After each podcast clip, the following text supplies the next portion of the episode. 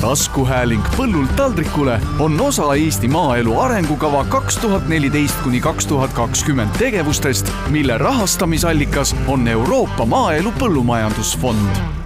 Eesti Põllumajandus-Kaubanduskoja saade Põllult taldrikule räägib Eesti toidust ja põllumajandusest.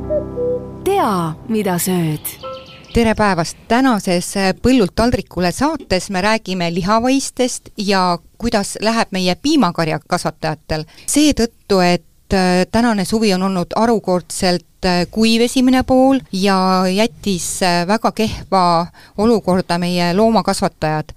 ja samas on ju kõikidel piimakarja pidajatel on ju see kohustus ikkagi oma piimatoodangus seni püstitatud kvaliteedist kinni pidada ja, ja see on hästi oluline selline standard ja samas, äh, kui on väga keerulised ilmastikuolud, siis on täiesti suur küsimus, kuidas seda kõike tagada. ja selleks on meil täna kolm äh, väga pädevat, võib öelda, et lausa tippspetsialisti kutsutud saatesse Tanel Taavi Politko, Eesti Tõuloomakasvatajate Ühistu juht, tere Tanel! tervist! Juhan Särgava, kes on ühtlasi ka suurim äh, mahepiimatootja, Saida farmi juht, tere Juhan! tere! kõigile! ja Urmas Põlluaas, kes on Kuivajõe farmi juht, tere Urmas! tere kõigile! ja mina olen saatejuht Juuli Nemvalts. küsiks kohe teilt esimese küsimusena, et kuidas on läinud? no kaks pluss on siiamaale et äh, kui väga, väga hoolsa järeltööga parandada, siis kolme miinuseks võib ju veel saada. no tänase seisuga kindlasti karjakasvatajate olukorda hinnates äh, rahuldavat hinnet veel anda ei saa, selles suhtes, et äh, karjakasvatajate mure on see, et kuidas loomadele talvist sööta varuda ja ja, ja, ja see on ka probleemiks, aga loodame, et olukord paraneb. kuivus on teinud tugevasti liiga ja tundub, et Harjumaal vast enam, aga ütleme nii, et tibusid loetakse sügisel. Tanel, lihaveiste kasvatamist kõrvalt vaadates tundub, et see on ju, et olukord on nagu lihtne, eks on ju, et veised jalutavad niitudel ja tundub, et pole nagu muret. aga kuidas tegelikult? no tegelikult eh, lihaveise kasvatajate olukord on üsna, üsna raske hetkel eh, ja kas või hinnang sellele, et eh, täna loomapidajad pidevalt helistavad, uurivad, kuhu oma loomi saavad realiseerida kes äh, soovib tervet karja lõ-, ära lõpetada, kes osaliselt äh, ja, ja lihaveisekasvatajate olukord võib-olla on ka erinev selle tõttu, et äh, see maa hulk, mis nende kasutada on, ei ole niivõrd piisav ja teisalt kasutatakse ka väga palju looduslikke rohumaid ja püsirohumaid, mida tegelikult ka ümber harida ei saa, et lihaveisekasvatajatel on olnud peamine see, et esimene niide teha siloks ja heinaks ja pärast juba karjatatakse loomi seal nendel samadel maadel aga ma kahjuks pean arvama küll, et kui konkreetselt lihaveisekasvatajate olukorrast rääkida, siis äh, me näeme selle aasta lõpuks väga-väga äh, märgatavat lihaveiste arvu vähenemist. et äh, see on üsna kurb, et kui võtta ka, et lihaveisesektor on küllaltki uus Eestis, vaid paarkümmend aastat vana ja me oleme suutnud tõukarja nagu suurendada ja nüüd ühel hetkel hakkame vähendama, et ja loomulikult äh, ega kui on palju loomi realiseerida, siis ei ole ka kuskile neid realiseerida ja ka hinnad lähevad madalaks, et äh, selle tõttu kindlasti me loodame, et olukord läheb paremaks ja ja võiks öelda, et ostke siis juurde, aga tegelikult ega, ega ka selle hinnaga, mis täna on, ei kannata eriti juurde osta, et paljud äh, sellist peretalu tüüpi lihaveisekasvatajad, kes meil Eestis on, pigem jah, lõpetavad tegevuse. selle sama kalli hinna juurde tahan öelda seda, et äh, eeskätt lihaveisekasvatajatel on nii, et see hein on kallim kui see lihana saadud äh, realiseerimistulu. ja see tähendab seda, et kellel ongi heina, mõtleb hoolega, et mis ma tast läbi lehma või lähme läbi looma lasen, et kui ma heina ära müün, ma saan rohkem, kui ma läbi looma saan, nii et see on selline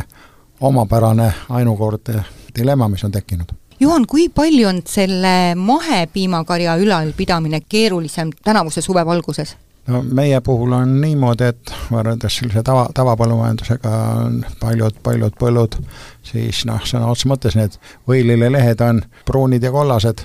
noh, värvilised, sügisvärvilised, need noh, need väetismajandus, kes nagu lähistikku on olnud, nendel on natukenegi rohkem. kuid nendel sõltus ka asi sellest, et kunas nad suutsid seda väetist maha panna, kui nad veidigi hiljaks jäid, siis äh, ilmastik võttis sellegi ära, mis nad panid. nii et äh, ta on ühtviisi raske mõlemale Urmas, üha rohkem on hakatud rääkima loomade heaolust, aga juba ammu teavad seda farmipidajad, sest stressis looma piimatoodang on ju palju väiksem. mida siis lehm tegelikult vajab, et ennast hästi tunda? eks selleks on nagu päris palju igasuguseid võimalusi, vahendeid, aga ma arvan niimoodi, et see heaolu, noh, ütleme, karjakasvatajad, ma arvan, enamuses siin meil, kes, kes loomadega tegelevad, eks nad muretsevad eh, loomade heaolu pärast iga päev, et ega see käib selle asja juurde, selle elu juurde selles mõttes, et eh, kui loomad tunnevad enda ennast hästi, on ka see toodang parem. kui neil on probleemid kas söödaga või olmega, et ega siis ju see toodang langeb, aga põhimõtteliselt kellele karjakasvatus toob toidu lauale, et et need inimesed muretsevad ja hoolitsevad selle pärast ja sealt eh, tuleb kaasa ka see heaolu. teine külg asjal on alati see, et eh, kõike, mida sa soovid või tahad ära teha, selleks on vaja teha kulutusi. ja need kulutusi eh, paraku piiravad noh, ka sellised ajad, kus on, kus on mingid ikalduse moodi natukene või, või siis, või siis lihtsalt hinnalangused, et eks need panevad omad piirid ette, et aga ma olen sellest küll veendunud, et enamus meie neid karjakasvatajaid soovib loomadele ja, ja igal juhul paremat ja parimat. No ma tean näiteks, et ma mõtlen nüüd kuulajale juba selgitada, et minu meelest heades farmides on ikkagi need seljasügamise sellised, kas ta on siis rullikud või ta seisab seal kuskil, on see posti külge kinnitatud ja, ja lehmadele tegelikult see väga meeldib ja ja tõesti, et see ka vähendab tema enda sellist kas stressi või, või muidu lihtsalt on, ongi mõnus, et miks, miks ei peaks olema, eks on ju. mida veel annab teha, et, et lehmal oleks see hea, hea olla sellega on niimoodi, et ega lehm ei ole täna väga palju aru saanud, et äh, millises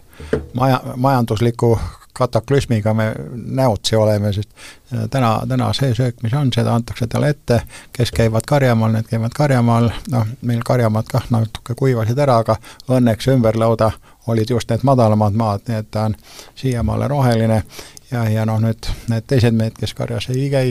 nemad toovad ikkagi siis, kui lähedalt ei saa seda rohelist, siis toovad kaugemalt ja veel kaugemalt, et nii et praegusel juhul noh, mm, heaolu suhtes ei saa mingisugust lõivu maksta, sest et kadusid tuleb nagunii, nii nagu heaoluga need vigurdad, see, see maksab kõige kiiremini kätte, see lehm kohe ta tajub ära, kui asi, asi viltu on, kas või jääb hommikul tund aega midagi hiljemaks või, või elektrikatestus on, momentaalselt see on suur jõnks on kohe piima, piimas, nii et äh, selles suhtes, nagu Urmas ütles, et käsi pulsil on küll, et endal võib siin ebamugav olla liiga vara või liiga hilja, aga aga lehmal ei saa seda lubada, sest liiga luksuslik lõbu on see kaasaegsetes farmides kasutatakse palju seadmeid ja masinaid, et loomade eest hoolitsemine muuta inimesele kergemaks. samuti sõltub ka looma heaolu hooldus just see stabiilsusest ja rutiinist. milliseid seadmeid ja tehnikat te farmis kasutate? klõpsiplats, kala, kala, kalasaba, teelevalli oma, noh, automaatselt no, lõpetab ära, aga aga käsitsi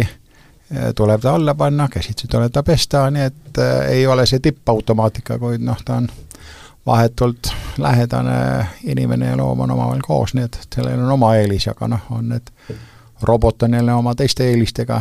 nii et äh, kõiksugust tootmist toimub mm. -hmm. noh, sama, eks meil on ühes vormis on äh, sügamisharjad, teises veel ei ole, aga parematel aegadel katsub ka sinna noh, põrandaid püüame seal karestada, et ei tekiks vigastusi ja noh, pidevalt nagu, ega see on pidev nagu tegevus sellega, et, et neil oleks nagu parem. pidevalt jälgid seda, et, et oleks seda puhtust, et läbi, et nad tunneksid ennast hästi ja paremini, noh, püüame seal igast millega te lüpsate? lüpsame, meil on kaks korda kakskümmend lüpsiplatsi Tanel? ja kindlasti ju tänapäevastes farmides väga palju infot kogutakse, et eks see on ka üks heaolu näitaja, et äh, igal farmeril on võimalik näha ka lehma piimatoodangut päevas või lüpside lõikes, et kui seal on mingeid kõikumisi, siis kindlasti on võimalik ka läbi selle informatsiooni ju vaadata, kuivõrd hästi loomad elavad ja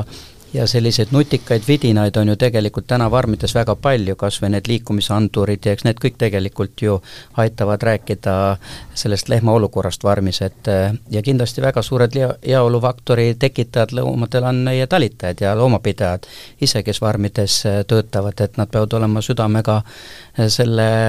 töö kallal ja töö juures, et, et väga paljud loomad näitavad ka oma ise välja, et kui nendel on midagi häda, et äh, selles suhtes ma julgen küll arvata, et äh, looma heaoluga Eesti äh, karjakasvatajatel on hästi ja, ja kuivõrd, kui me räägime ka piimatootjatest, siis kui heaoluga ei oleks nii hästi, siis me kindlasti ei oleks ka Euroopa Liidu tipus oma piimatoodangult, et, et see toodang on kindlasti kohe selline asi, kus tuleb lõivu, lõivu maksta, kui, kui looma heaolu ei ole hästi tagatud mida, mida te selle anduriga mõõdate seal laudas? no tänapäeval on kindlasti põhiline see, et et kuivõrd ka inimesi on ju farmides vähem, siis äh, need liikumisandurid näitavad looma aktiivsust ja kas või see, et äh, millal on looma vaja seemendada ja millal ta hindleb, eks ole, aga tänapäeval on võimalik veel lisaks äh, loomade kehatemperatuuri hinnata, vot on näha kohe, kuidas on kõrvalekalded, eriti oluline on see, kui loomad on poeginud, et nad on tõesti sellest poegimisjärgsest stressist üle saanud kenasti ja ja võib neid suurtesse piima, lüpsigruppidesse saata, samuti on mäletsemist võimalik jälgida ja, ja nii edasi ja nii edasi ja piima kvaliteet loomulikult veel laudas, et täna me võime ka öelda, et Eestis lüpstav piim on ju väga kõrge kvaliteediga, selle tõttu võime küll tarbijale öelda, et see piim, mis on e-, Eestis toodetud, on puhas ja võib julgelt tarbida, et see on tõesti, tõesti kontrollitud ja väga hea kvaliteediga. jah, see on hea, et sa rääkisid sellest piima kvaliteedist. Taneli äh, märkusele veel juurde lisada, et äh, tõesti kõige tähtsam tegelikult ikkagi minu arust, olenemata nendest seadmetest ja kõigist asjadest, on ikka inimene. kui on kohusetundlik ja südamega asja juures olev äh, talitaja, siis ongi heaolu tagatud. et, et ei aita ükski masin, aga inimene on see võib-olla just kuulajatele anda ka teada, et mida siis kõike jälgitakse või saab jälgida sellest piimas, et missugust sisaldust on või mida siis ei sisalda? Äh, piimast, noh, piimast saab tegelikult äh, päris palju informatsiooni nii tervise kui selle piima kvaliteedi kui, kui looma, looma kohta, looma noh, hästi palju, sööda, äh, mis talle on söödetud selle kohta ja noh, need võimalused on kõik täna olemas. Kohe võtaks siit müüdid ette, et mida siis, või linnalegendid, mida kõike seal piimas kardetakse, et on, et küll räägitakse mingisuguseid antibiootikumi leidmisest, aga tegelikult see ei ole ju nii, et kui loom jääb haigeks, et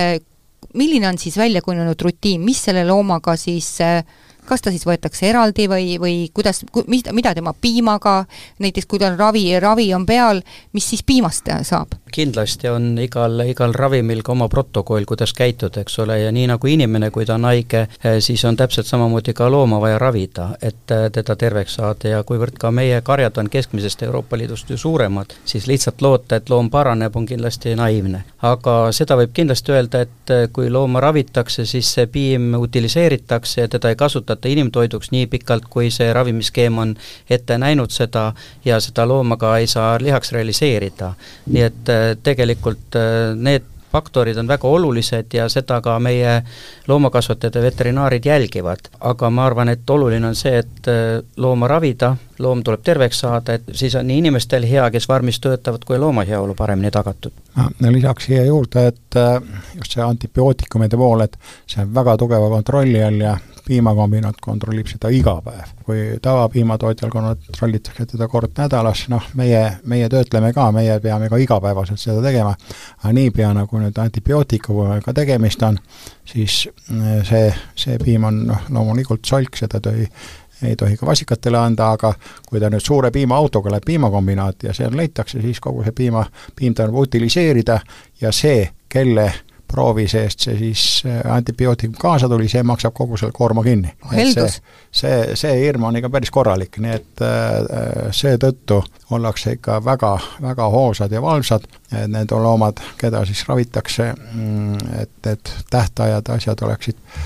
ilusasti üle ja mööda ja vahedal, kui mõne ravimiga tegemist on, siis peab olema topeltpidurdus või see eemaloleku aeg, nii et selles suhtes meie piimaga selliseid võõrnähtusi mitte mingil juhul ei ole. ma ise mõtlen, et kui inimesed ju täiesti enesestmõistetavalt suhtuvad sellesse, et kui lemmikloom jääb tal haigeks, siis ju kohe kapatakse lemmikloomaarsti juurde, aga millegipärast linnalegendides pannakse väga pahaks seda, kui nüüd ka lehm on saanud, kui on vaja, siis antibiootikumi. eks, et vaadake, missugune silmakirjalikkus või topeltmoraal meil on, eks on ju, et kiisu võib saada seal äh, kas või kangeid rohte või koerake, aga see, kust meie toit, millest sõltub, eks on ju, et need hoiakud vajaksid kindlasti nagu tasakaalustamist. kui inimestele laekuv info on äh, niivõrd massiivne ja siis inimene sõelub sealt välja, välja, teadmata tegelikult äh, sisu tihtipeale. ja nii on ka nende sama äh, põllumajandusloomade ja, ja noh, ka teiste nende äh, lemmikloomade ravi asjadega, et, et lihtsalt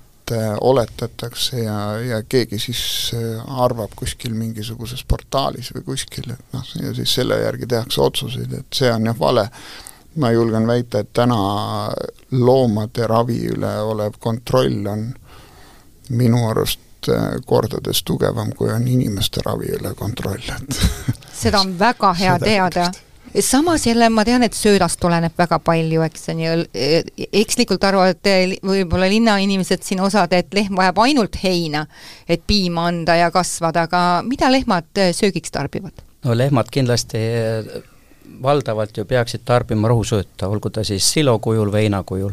Ja kui me räägime tänase aasta olukorrast, et äh, siis kõige kvaliteetsem silo ja hein toodetaksegi esimesest niitest, et äh, see on see, millest meil täna puudu on. et kui me täna saame kompenseerida hilisemate niidetega seda söödakogust, siis kindlasti me seda kvaliteeti ju toota ei saa juurde ja parandada aga lehm noh, väga laias laastus äh, võiks öelda, et äh, sööb kuuskümmend protsenti siis koresööta, osades farmides ka rohkem koresööta, olgu see koresööt siis ri- äh,, silo või või äh, heina näol ja ülejäänud osa on siis jõusööt ja jõusöödaga kaasnevad komponendid ja kindlasti mineraalid, vitamiinid, soolad on ka lehmale väga, väga kohased, mida, mida nad söövad, aga, aga põhiliselt meie eesmärk on ju see, et lehm toodaks selle kõige kvaliteetsema rohusöödaga maksimaalselt palju piima. et neid kalleid ostusöötasid me peaksime vähem, vähem juurde ostma. Ja muidugi need äh, täiendsöödad, olgu nad siis ka õlikoogid, mis meil on väga, väga laialt levinud rapsi näol, ka need on väga väärtuslikud äh, loomaratsiooni tasakaalustada just proteiini või valgu osas. räägime selle ka ära, et mis asi on silo? No silo on äh, selline toit, mis äh, loomale on sisuliselt nagu rohusööt, mida siis äh, pannakse nagu valmima, olgu ta siis, kas pannakse ta auku või kilesse või mis, mis iganes kujul, eks ole, ja ta sileerub, et ta on natukene võib-olla, võib-olla meil, meie inimeste toidulauaga sarnane, nagu me sööme hapukapsast või hapendatud kapsast, eks ole, et ja ja loomadele see silo maitseb kindlasti ja loomale kindlasti on hea, kui see silo on natuke kuivem. ja silo tehakse nii rohusilost,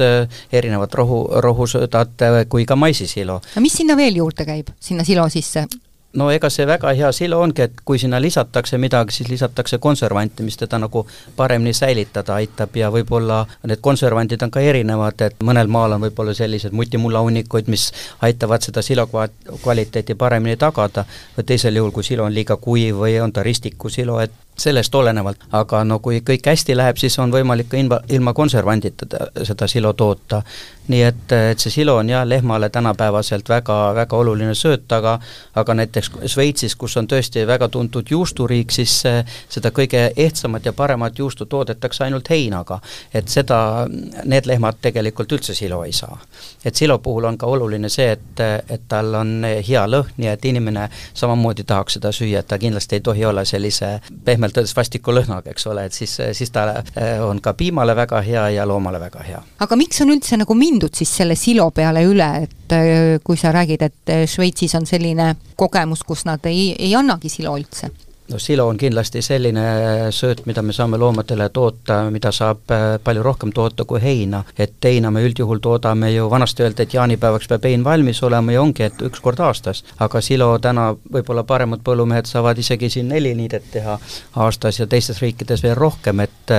et, et see on hästi oluline ja silo kvaliteedi tagamisel on ka väga palju muutusi toimunud, et võib-olla kui aastat kümme, kakskümmend tagasi vaatasime, et oleks seda mahtu võimalikult palju, siis tegelikult tegelikult täna ka esimese niite juures, kui on soodne kevad, see esimene niide tehakse suhteliselt vara.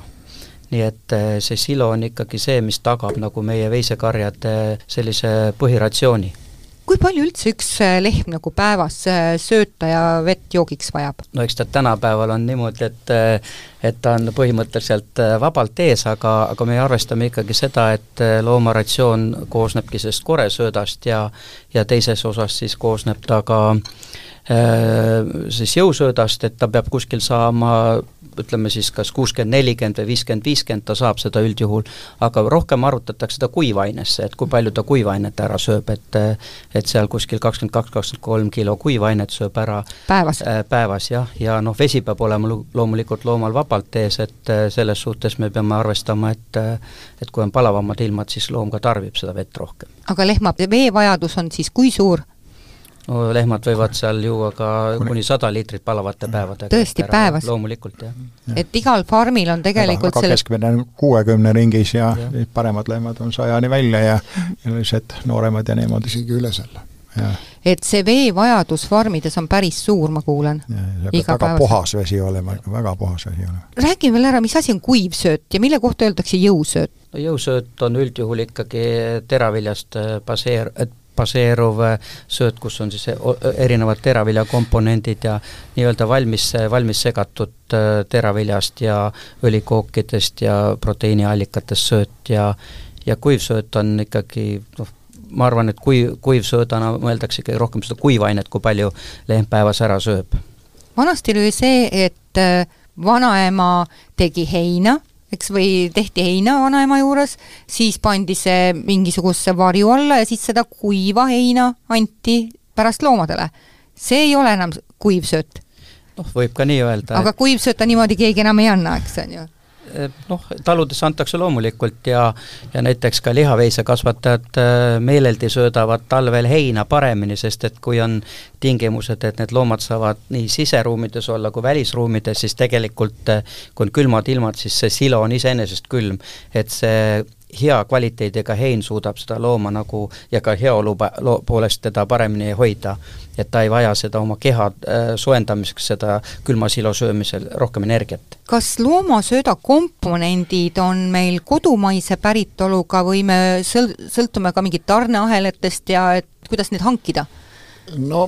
sõltume nii ja naa, et ikkagi tegelikult neid õli, äh, kas siis soja või, või rapsiga kooki, et seda tuuakse ka sisse, aga saab ka meie äh, oma tootjatelt siin Scanola ja nüüd on neid isegi juurde tulnud, mais tuleb peamiselt ikkagi teramaisina, kes, mis siis jahmatatakse jahuks, et see tuleb ikkagi väljaspoolt sisse see kõlab nii ilusasti, õlikook, kas mul tuleb mingid kohupiimakoogid meelde, aga mismoodi see lehm seda kooki siis sööb või kui suured need tükid on või? ta segatakse, meil segatakse nad kõik äh, nagu noh, peamiselt mikserites siis äh,, kus pannakse silo äh,,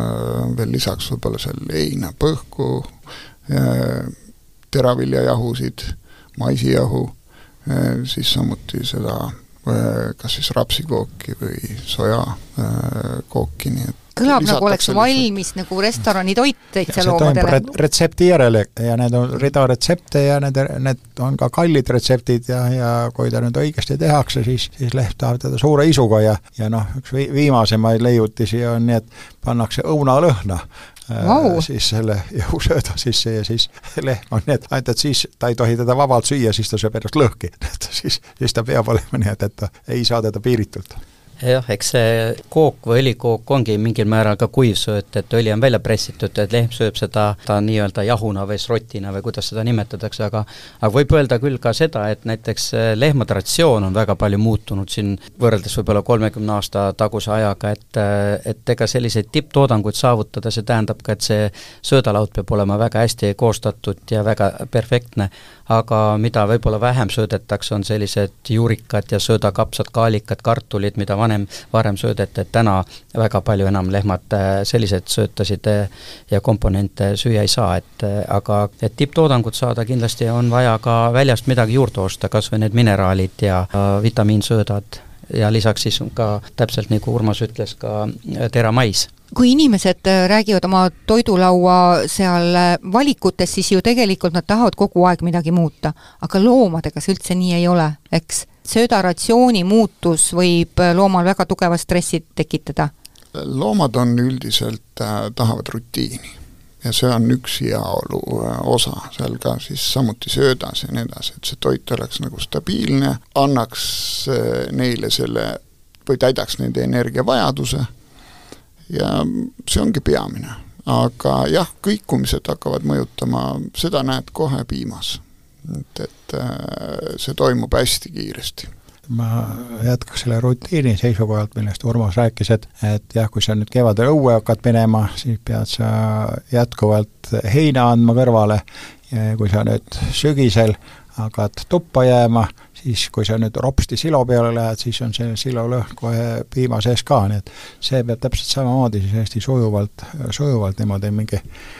neljandiku haaval nii nädala jooksul liigud ühest ratsioonist teisest. lehmal on bakterioloogia, ta on kahemaoline tegelane ja see bakterioloogia peab siis noh, suutma ühed bakterid vahetada teiste vastu ja see võtab kõik aega ja kui neid asju järsult teha, siis lehm tunneb ennast halvasti, noh niisamuti kui ise oled ennast kõrini täis söönud ja siis ei saa magada. no lehmaga samamoodi, nii et aga seda, meie ülesanne on siis seda lehma heaolu omalt poolt lapsevanema moodi siis noh, nagu juhtida, et see asi kenasti läheb. Jaa, ja kui neid äh, loomi pidada, siis äh, tegelikult on ju alati väga oluline jälgida ka seda, et äh, me ei kahjustaks nagu keskkonda või looduskeskkond ei, ei reostuks ka selle loomapidamise tagajärjel. et mul siin meenub, kas oli eelmine aasta oli üks, üks äh, siloreostus, mis oli, läks vette, eks on ju, ja seal oli tõesti suur keskkonnakahju tekkis, seal kalad surid. aga mil viisil saab üldse neid riske, neid keskkonnariske nagu vähendada või kuidas seda tehakse laudas, sest tegelikult on ju väga harva on sellised mingid keskkonnareostused noh, eks ikkagi me ju kõik need uued ehitused ja kõik, et, et seda paremaks teha, et täpselt samamoodi sõnnikuhoidlate, silohoidlate kordaehitamine, et eks see on nagu ka üks osa ja tea-, sealt tuleb jällegi täpselt samamoodi jõuame me tagasi, et ühelt poolt me hoiame seda keskkonda läbi selle, aga teiselt poolt äh, on see jällegi, jõuame loomade heaolu, sellepärast et äh, jällegi selle juurde, et äh, kui ta on hea, korralik ja kindel silohoidla, siis seal valmib ka küllaltki korralik silo, millega toodad korralikku piima ja nii edasi, on loomal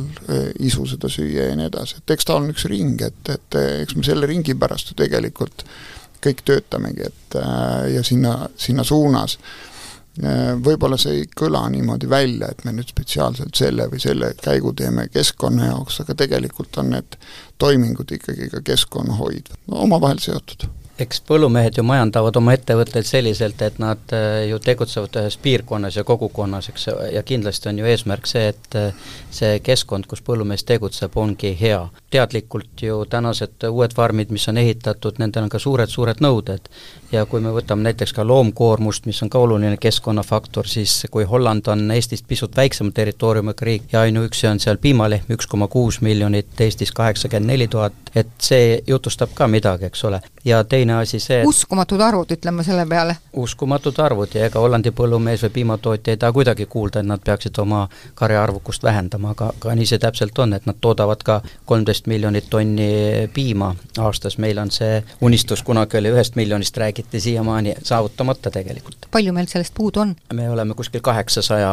üle kaheksasaja tuhande. meil hakkab äh, saateaeg ka ühtepidi läbi saama ja ma ise küsin nagu viimase küsimusena selle, et et äh, mida veisekasvatajad siis või piimakarja äh, kasvatajad äh, tegelikult nagu vaja, valitsuselt või ühiskonnalt vajaksid paremini toimida? ma arvan, mõistmist ja toetust. et, et inimesed ikkagi saaksid aru, et äh, lõppude lõpuks äh, toit on niisugune esmavajadus ja, ja paraku äh,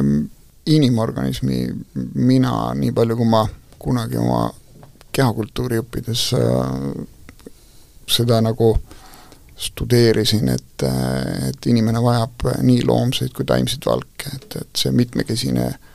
toitumine on nagu organismile nagu tähtis. ja ma arvan, et, et lihtsalt ühiskond mõistaks seda, kõigil on tee-, võimalus teha valikud, aga ei tasuks nagu äh, selles mõttes ühte või teist maha materdada, et kõigil peab olema nagu võimalus. Äh, jah, minu meelest just nimelt nagu Urmas ütles, seda mõistlikkust ja mõi-, mõistmist, sest noh, kuidagi naljakas ja ketsakas, et selle, selle suure kriisi saatel on siis Tööinspektsioonis aetakse siis seda rida, et äh, tööinspektori arst, äh, inspektsiooni arsti või selle töötervishoiu arsti juures lüpsja ei ole käinud, lüpsja on kirjutanud ise omakeelse kirja, et ta mitte mingil juhul ei ole nõus sinna minema ja siis, siis, siis öeldakse, et noh, siis te peate võtma teise lüpsja.